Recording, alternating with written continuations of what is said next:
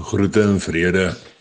Ouder gewoonte wag ek al hier van vroegmiddag af vir jou by die kuierplek op die vlak vir nog 'n Kalahari storie.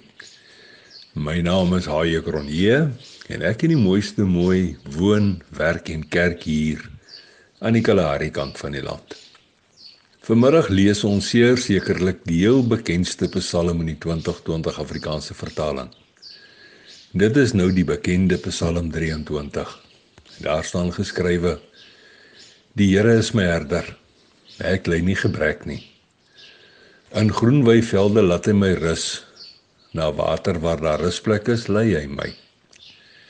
Hy gee my nuwe lewenskrag.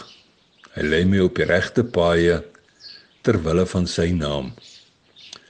Selfs as ek in die donkerste kloof ingaan, is ek nie bang vir gevaar nie, want U is by my. Dit is u staf en u stok wat my gerus stel. U dek vir my 'n tafel voor die oë van my teenstanders. U verfris my kop met olie.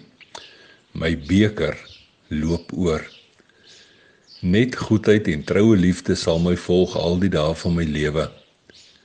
En ek sal terugkeer na die huis van die Here tot in lengte van dae. Vir middag se storie se naam dankseggingsfees. Ons was so klein bietjie minder as 20 mense wat die spesifieke Sondagmiddag in die koelte van die sentrum vir die son weggekruip het. Die geselskap is lig en laf want daar word behoorlik met mekaar geskerts. Die kriekies praat die meeste en vertel met smaak en 'n stem vol gekoggel hoe eers sy hart en toe sy knie saf geraak het toe hy vir Willa die heel eerste keer gesien het. 'n Willa daarenteen wat normaalweg maar synig is met haar emosies. Sy oë raak sommer doeksag toe kirietjies voor almal beduie. Hoe hy deesdae oor haar, dis nou as hy eg voel. Intussen wag ons rustig dat 'n bonne kaboomstompe wat vroegmiddag reeds brand gesteek is skole word. In ons deel van die wêreld is kaboomkole die heel beste om op te braai. En sodra hierdie kole diep rooi gloei, is dit my verantwoordelikheid om die braaiwerk te doen.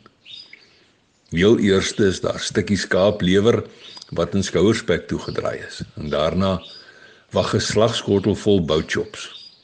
En as ek dit reg braai, sal hulle sommer gou-gou op jou tong wegsmelt. Almal in die skadukant van die sentrum, en luister aandagtig na Kirietjie se vertellings. Almal behalwe Proppie. En sy is iewers opgevang in haar eie klein wêreldjie.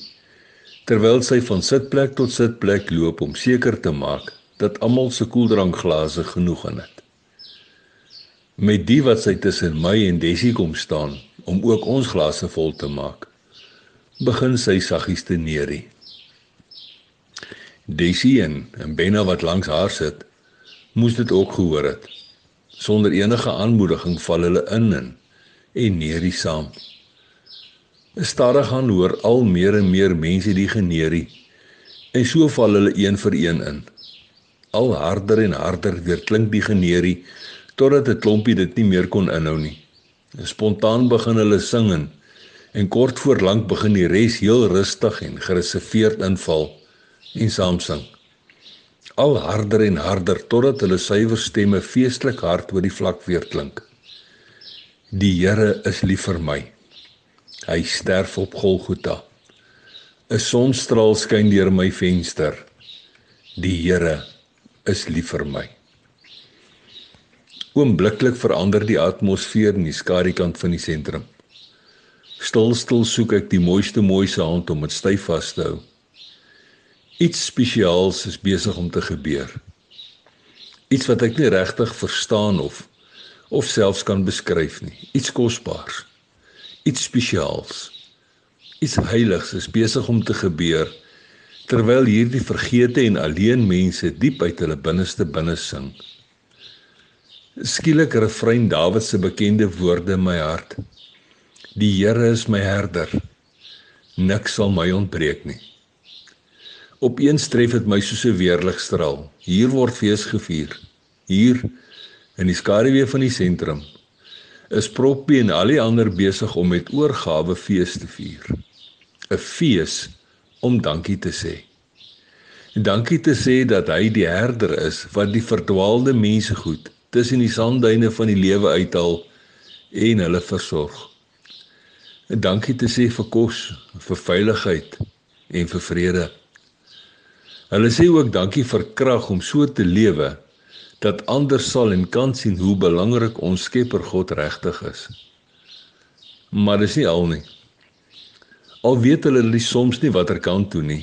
Sê hulle dankie vir die Here se leiding en beskerming wat hulle weer laat veilig voel omrede dit wat hy doen in oorvloed is en hulle voel spesiaal.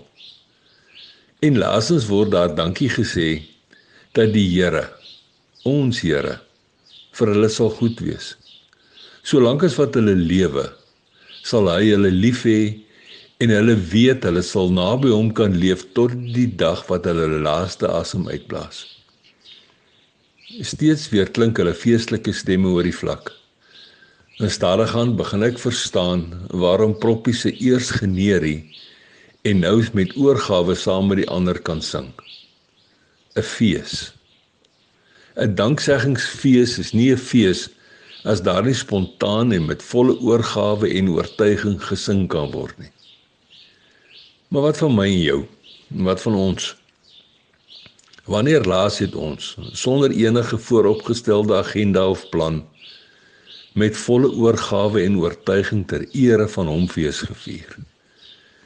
'n Dankseggingsfees waar ons spontaan vir hom gesing het. Iets gesing het soos Die Here is lief vir my. Hy sterf op Golgotha. 'n Sonstraal skyn deur my venster. Die Here is lief vir my. Nou ja toe. Tot 'n volgende keer. 'n Los mooi spore en sandkorrel by seëninge.